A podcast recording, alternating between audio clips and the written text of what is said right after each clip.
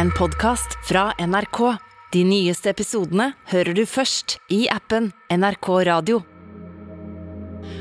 Forrige uke kom nyheten om at en av Norges viktigste kvinner gjennom tidene har gått bort. Uten henne så hadde ikke jeg kunnet være meg. Hun tok kampen for homofiles rettigheter på en tid da det var ulovlig. Eh, Hun er jo en livredder, og hun var med på å pushe meg videre ut av det skapet. Hun har hatt en slags akademisk presisjon i det hun har gjort, blanda med en slags punkers opprørskhet. Kim Friele var Norges første åpne lesbiske kvinne og homobevegelsens dronning. Og mange gir henne æren for at Norge har kommet langt når det gjelder rettigheter for homofile. Og nå strømmer folk til en helt spesiell benk ved Nationaltheatret i Oslo for å legge ned blomster og tenne lys. For det var på denne benken at unge Kim Friele satt ensom hver lørdag og speidet etter andre som kanskje lignet henne selv. Og at det var akkurat denne kvinnen som håpefullt sleit benken måned etter måned, som skulle stå igjen som den viktigste pioneren for homofiles rettigheter i Norge, er ikke tilfeldig.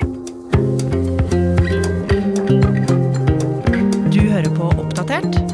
Jeg heter Ragna Nordenborg. En kveld i forrige uke så ble jeg ringt opp av en ringrev i homobevegelsen. Eh, han kjente Kim Friele fra way back, og han ville bare gi meg en forhåndsvarsel om at nå gikk det mot det siste for Kim Friele. Martin Holvik er journalist her i Oppdatert. Og da det ble klart dagen etter, og jeg så på nyhetene at hun var død, og jeg gikk til jobb, så kjente jeg bare at jeg måtte kjempe mot tårene. Ja, for Kim Friele, hun gjorde et uslettelig inntrykk på veldig mange folk. Det ser vi jo av alle som eh, sørger i disse dager.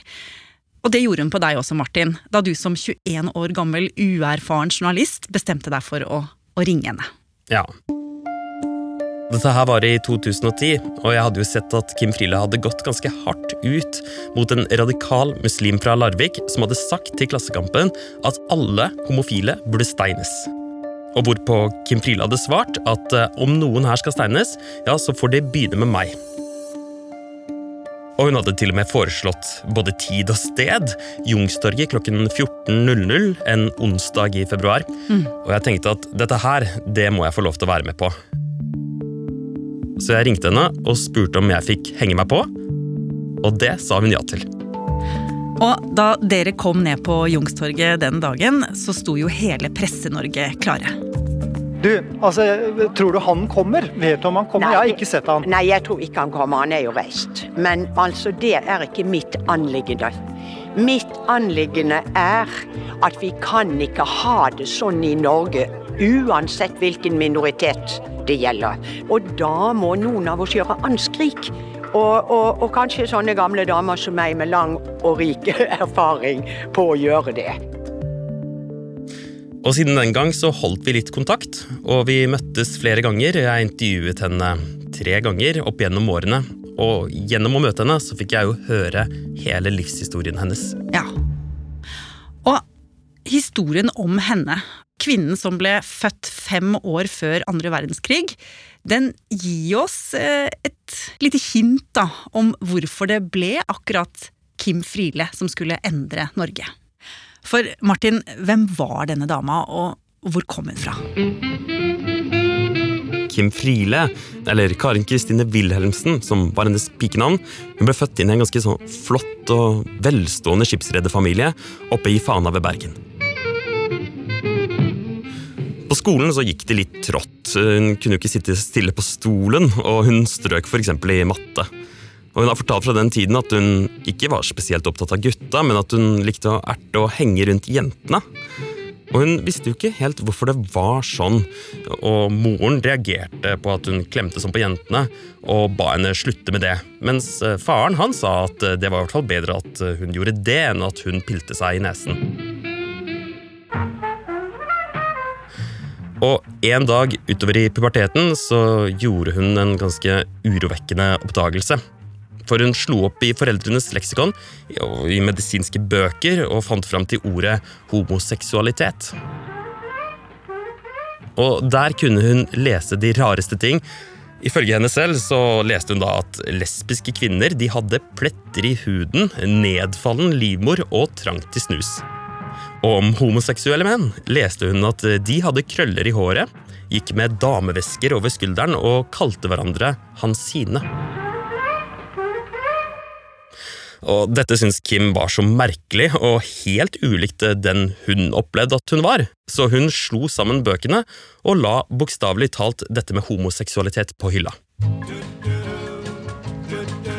Ja, og ikke bare det, for snart så skulle det jo dukke opp en mann i livet hennes. Ja, altså, Han var jo der fra før av, fordi at Kim hadde en ganske god kamerat fra barndommen, Ole Frilli jr. Og Kim syntes at han var ganske kjekk, og ikke minst så var han god til å gå på ski og god til å danse. Så da han ymta på, så tenkte hun ja, hvorfor ikke? Og disse to forlovet seg, og bryllupet sto i 1959.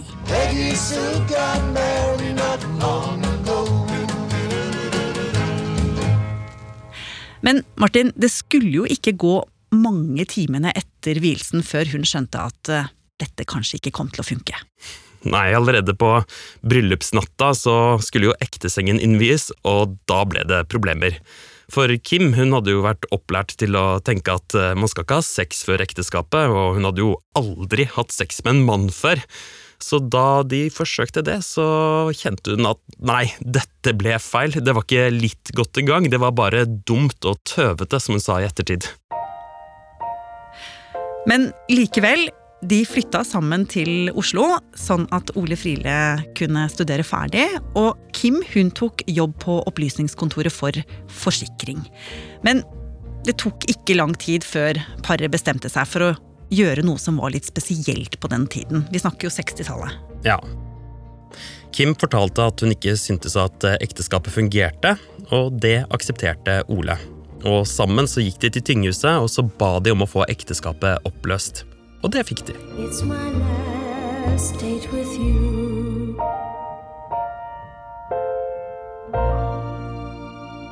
Og nå var jo Kim Friele i en ganske spesiell situasjon. Hun var aleine i Oslo, nyskilt, uten noen formell utdannelse. Og ikke bare det. Hun begynte jo nå for alvor å bli klar over at hun faktisk ble forelska i damer. Ja, og dette ville hun jo finne mer ut av, så hun plukket opp en bok hos bokhandleren, Vi som føler det annerledes, hvor forfatteren beskrev et sørgelig homoliv i skjul og ensomhet. Mm. Men Kim, som var ganske rett frem, hun bestemte seg for at hun ville komme ut av skapet. Og måten det skjedde på, det fortalte hun til NRK-programmet Salongen for noen år siden. Jeg ringte hjem, jeg, og min mor tok telefonen. Og så vi vi snakket om forskjellige ting og sånn, og så, så sa vel jeg et eller annet som fikk henne til å si Hva er det du sier? Og så gjentok jeg det at jo det jeg sier, det heter å være homoseksuell. Å, er det det du er i dag? Og som vi hører her, så trodde jo moren at dette bare var en fase. Men etter hvert så ble det klart for henne at eh, Kim, hun mente alvor. Så moren tok første fly fra Bergen til Oslo og ville at Kim skulle få profesjonell hjelp, så hun kunne få det bedre. For dette kunne jo kanskje behandles, tenkte hun. På denne tiden så trodde man jo at homofili det var noe man kunne bli kvitt. Og det var også en psykiatrisk diagnose. Så nesten litt som homoterapi så besøkte Kim en psykiater mens mor satt ute på venteværelset. Og så, og så sa jeg, for jeg, jeg er homoseksuell, sa jeg. Og han ble, han ble helt stum som en østers og så på meg, og så sier han Ja, eh, har de problemer? Nei. Ja, spiser de piller? Nei. Hvem Ja, hva er det da? Nei, familien har problemer, sa jeg. Min mor, hun sitter ute på venteværelset. Gå ut og lev livet deres, Friele, og så sender de deres mor inn til meg. Og det gjorde vi.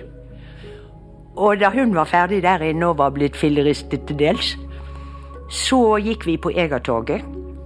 Og så feiret vi at jeg var homoseksuell med sjokolade med krem på. Og så reiste mor hjem med fly og skulle berolige stakkars far.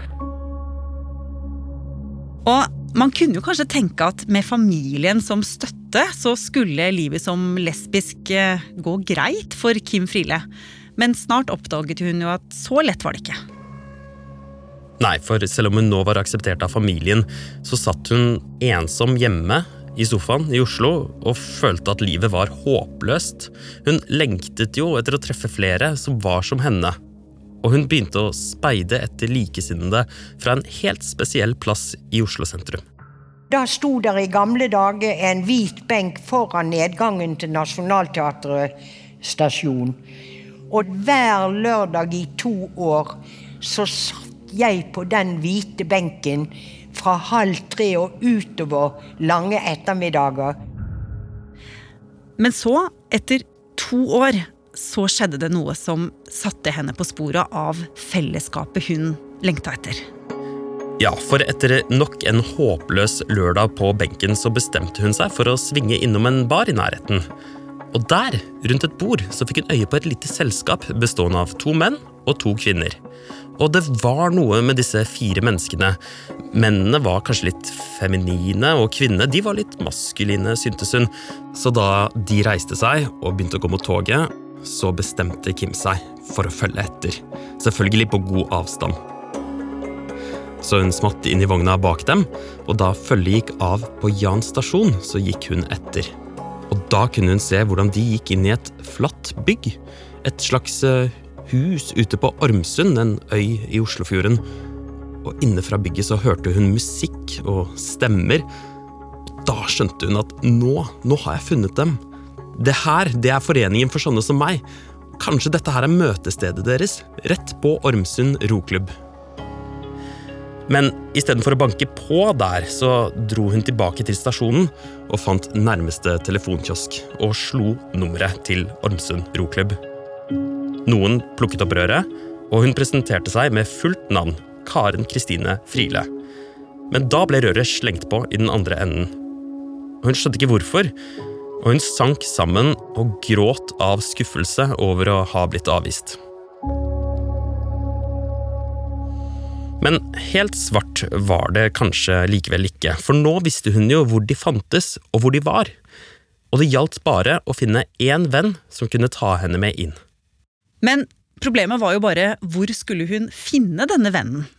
Jo, hun satte seg tilbake på den hvite benken, og så skjedde det. Plutselig en dag så kommer der bort en, en søt fyr. Og med store ører og, og lite hår. Mogens Larsen het han, han var danske. Og så sa han 'Jeg ser du har giftet deg med denne benken her'.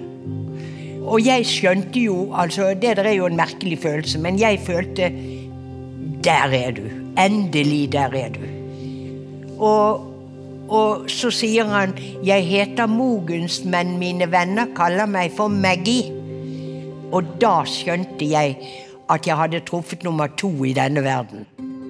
Mogens, eller Maggie, da, tok henne med tilbake til dette klubbhuset på Ormsund.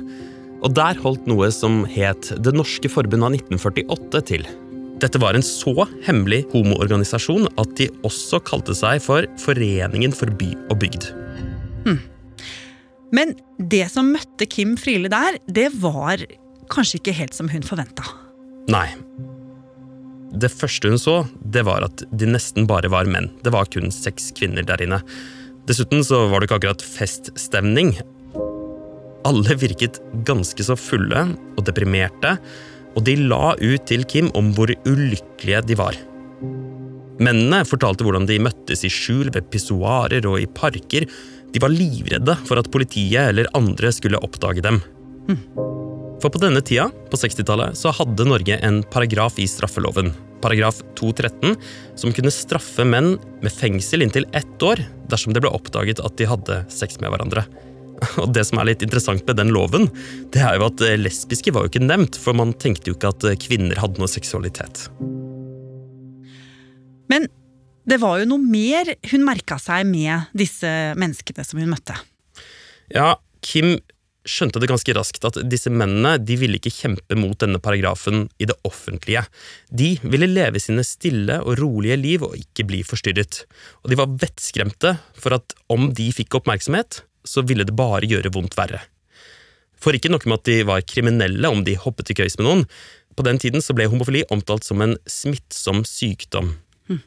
Verdens helseorganisasjon klassifiserte homofile som mentalt forstyrret. Og det var faktisk en avgjørelse som norske myndigheter, Norsk psykiatrisk forening og Forsvaret støttet. Ja, men denne passive holdningen, om man kan kalle den det, det var ikke noe for Friele. Nei, Friele hun likte ikke denne diskresjonskulturen. Hun gikk inn i organisasjonen med sine skarpe tunge, og ganske raskt så lagde hun en aldri så liten revolusjon da hun ble formann. Og dette fortalte jo hun om til Nasjonalbiblioteket. Jeg mente at den eneste veien denne organisasjonen kunne gå, det var at man måtte stå frem med fullt navn. Man måtte kontakte myndigheter, man måtte kontakte, skape relasjoner. Man måtte gå løs på psykiaterne, man måtte gå løs på politikerne. Man måtte gå løs på juristene. Og nå begynte Kim Friele, fryktløs som hun var, å gjøre noe som ingen andre kvinner hadde gjort før. For gjennom jobben som informasjonsarbeider på Opplysningskontoret for forsikring, så hadde hun fått mange kontakter i pressen. Og hun satte seg ned og begynte å skrive innlegg til aviser som Arbeiderbladet og Dagbladet, og hun signerte dem med fullt navn. Ja, og det at hun gjorde dette under navnet Kim Friele, det var ganske oppsiktsvekkende. Ja, for ingen hadde stått fram på denne måten noensinne. Men det stoppet jo ikke der. I 1965 stilte Kim på radioen og snakket om homofiles rettigheter, og NRK hadde anonymisert henne. De mer eller mindre innbiller seg at vi er helt degenerert. Og enkelte heterofile innbiller seg også at med homofili følger uvilkårlig eh, noe som kanskje nærmer seg henimot det kriminelle.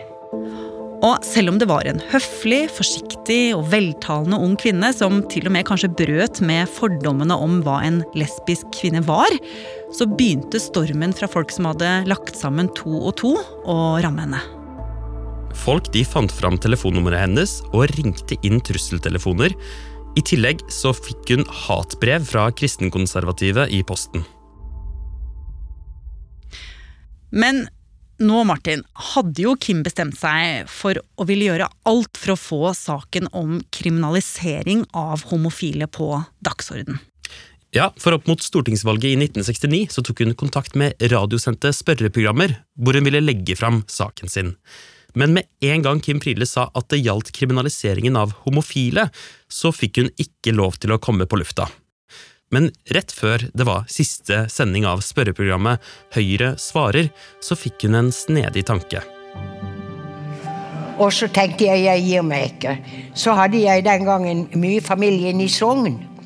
Og jeg har vært der så mye at jeg kan litt sognemål. Og så tok, kom hun da dama igjen, og så spurte hun. Så sa jeg det at jo, det gjaldt å få komme inn og snakke om, om kjøtt- og fleskeprisene. Ja vel, sa hun, og så kom jeg inn. Nå var Kim på lufta, og nå hadde hun sjansen.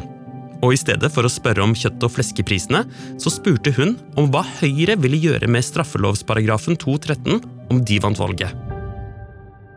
Og det ble helt stille i studio.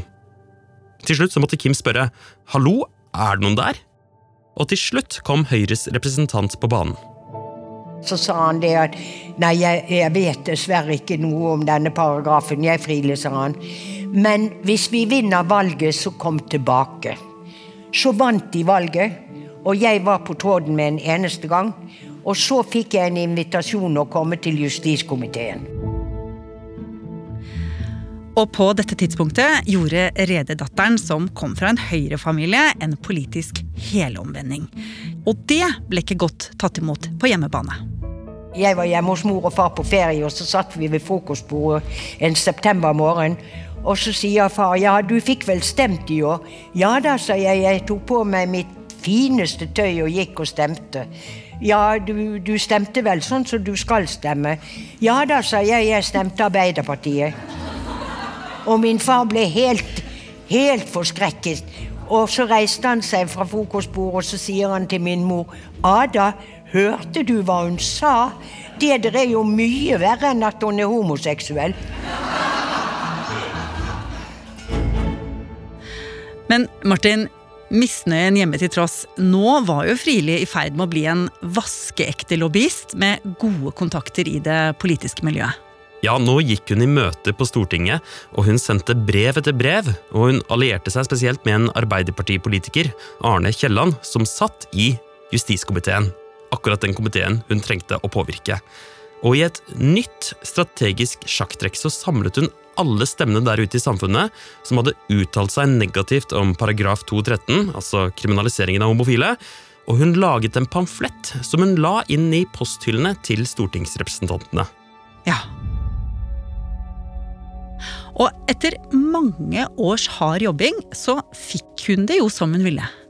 Ja, for i 1972 så la Bratteli-regjeringen fram et forslag om å fjerne forbudet mot homoseksualitet.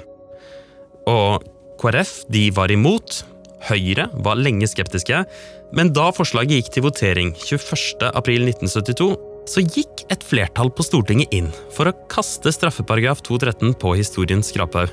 Og det med umiddelbar virkning. Og Samme dag så dro Kim Friele og vennene ut på Venstres hus og feiret og drakk som de aldri hadde gjort før.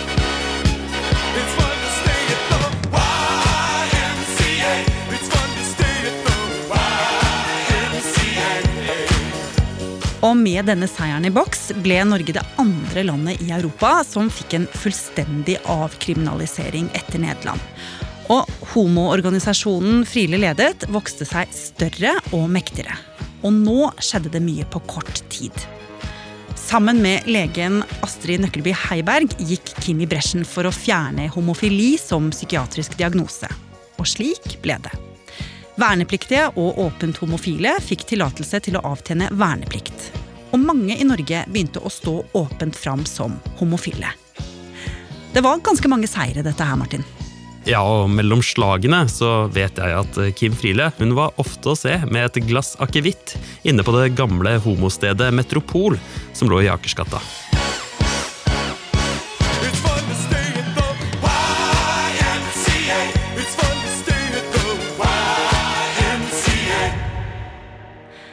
Men Martin, travelt opptatt med denne homokampen, så hadde jo ikke Kim Friele ennå funnet den store kjærligheten. Men også her skulle det løsne. En dag så fikk Kim Friele i oppdrag å ta et møte med den erkekonservative høyrepolitikeren og rektoren på Trosterud skole, Wenche Lovsov. Og da døren gikk opp på kontoret, og Kim så henne, så ble hun stup forelska. Men Kim hun forestilte seg at damen foran henne sikkert var både gift og hadde åtte unger, og hun tenkte at 'jeg har ikke sjans'. Så trist så dro hun rett på en bar, dro med seg en kollega og drakk seg full. Men et par dager etterpå så fikk Kim en forespørsel fra Wenche, og hun spurte om de kunne fortsette den interessante diskusjonen. Wenche var jo ikke gift, hun var bare i skapet, og kjærester det ble de først i skjul. Og etter hvert så ble jo dette paret offentlige, og Wenche Lovsov hun var den aller første stortingspolitikeren som sto åpent fram som homofil. Men på 80-tallet dukka det opp nye problemstillinger for homobevegelsen. Aids slo ned som en bombe og ramma mange homofile menn, også i Norge. Og for mange av de nye medlemmene i homobevegelsen kom Kim Friele litt skeivt ut da hun i 1986 gikk på radioen og kritiserte homofile menns livsstil. Jeg kan ikke fatte og begripe hva det er homofile menn sutrer og skriker over. Når det eneste lesbiske nå ber mennene om, det er kan vi ikke sette oss ned og snakke sammen om på hvilken måte dere kan ha det like godt i deres kjærlighetsforhold som i dag, med seksualitet, men kanskje med en litt annen menneskeinnstilling og menneskeholdning. Kanskje dere kan finne noe som er mye rikere enn det dere inntil i dag har trodd er å ha et rikt liv. Mange i styret de oppfattet dette som ganske usolidarisk overfor homofile menn. Og det var jo menn som Kim, som generalsekretær, skulle representere. Det ble interne stridigheter, og en ganske stor konflikt mellom styret og henne brygget seg opp. og den skulle føre til at hun i 1989 gikk av som leder. Og Martin, det er jo litt trist at det endte sånn. Ja, men så er det jo dette med Kim Friele, at hun var en dame som sa akkurat det hun mente, uavhengig av hvem det rammet, om det var venner eller fiender. Hun var sta, hun var tverr, hun brøytet seg frem og hadde en voldsom vilje. Hadde hun først bestemt seg noe, så var hun helt ustoppelig. Og det var jo nettopp dette som hadde vært hennes suksessoppskrift for å få gjennom store endringer i det norske samfunnet. Men akkurat denne gangen så førte det nok til så mye konflikt at det slo tilbake på henne. Men til tross for denne dramatiske exiten, så engasjerte Kim Friele seg videre. Og da det ble snakk om at homofile kunne inngå partnerskap, var Kim først skeptisk. Hun mente at loven ikke gikk langt nok i å sikre barns rettigheter. Men loven kom på plass likevel, og da valgte Kim og Wenche å benytte seg av muligheten til å inngå partnerskap. Og faktisk så var disse to det første paret ut i Norge til å inngå et slikt partnerskap. Og på rådhuset i Oslo ga de hverandre sitt ja. På samme måte spør jeg deg, Karen Kristine Friele. Vil du leve i partnerskap med Wenche Bryn Lowsov? Ja. Da dere nå har sagt ja til å leve sammen i partnerskap, erklærer jeg med dette at partnerskapet er lovlig inngått.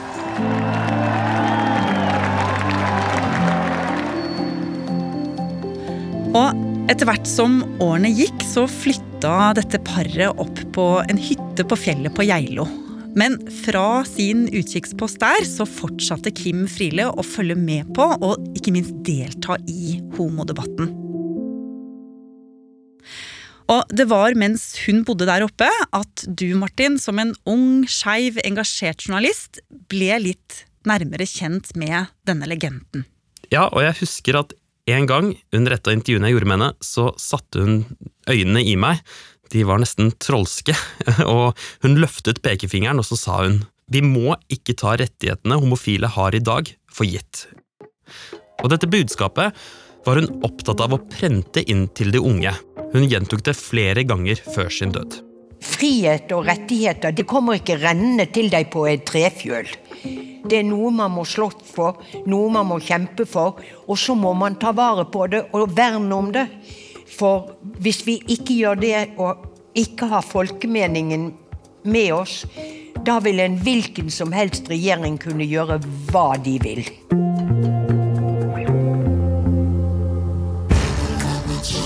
Hele Norge kryssforhører, etterforsker, analyserer og avslører bløff.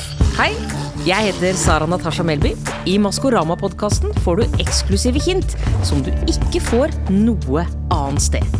Bare i appen NRK Radio. Gjett hvem som skjuler seg bak maskene. Hør Maskorama-podkasten i appen NRK Radio. Oppdatert er en podkast fra NRK Nyheter. Og denne episoden er laget av Martin Holvik, Vegard Kjørom, Pål Gauslå Sivertsen og meg, Ragna Nordenborg. Programredaktør er Knut Magnus Berge.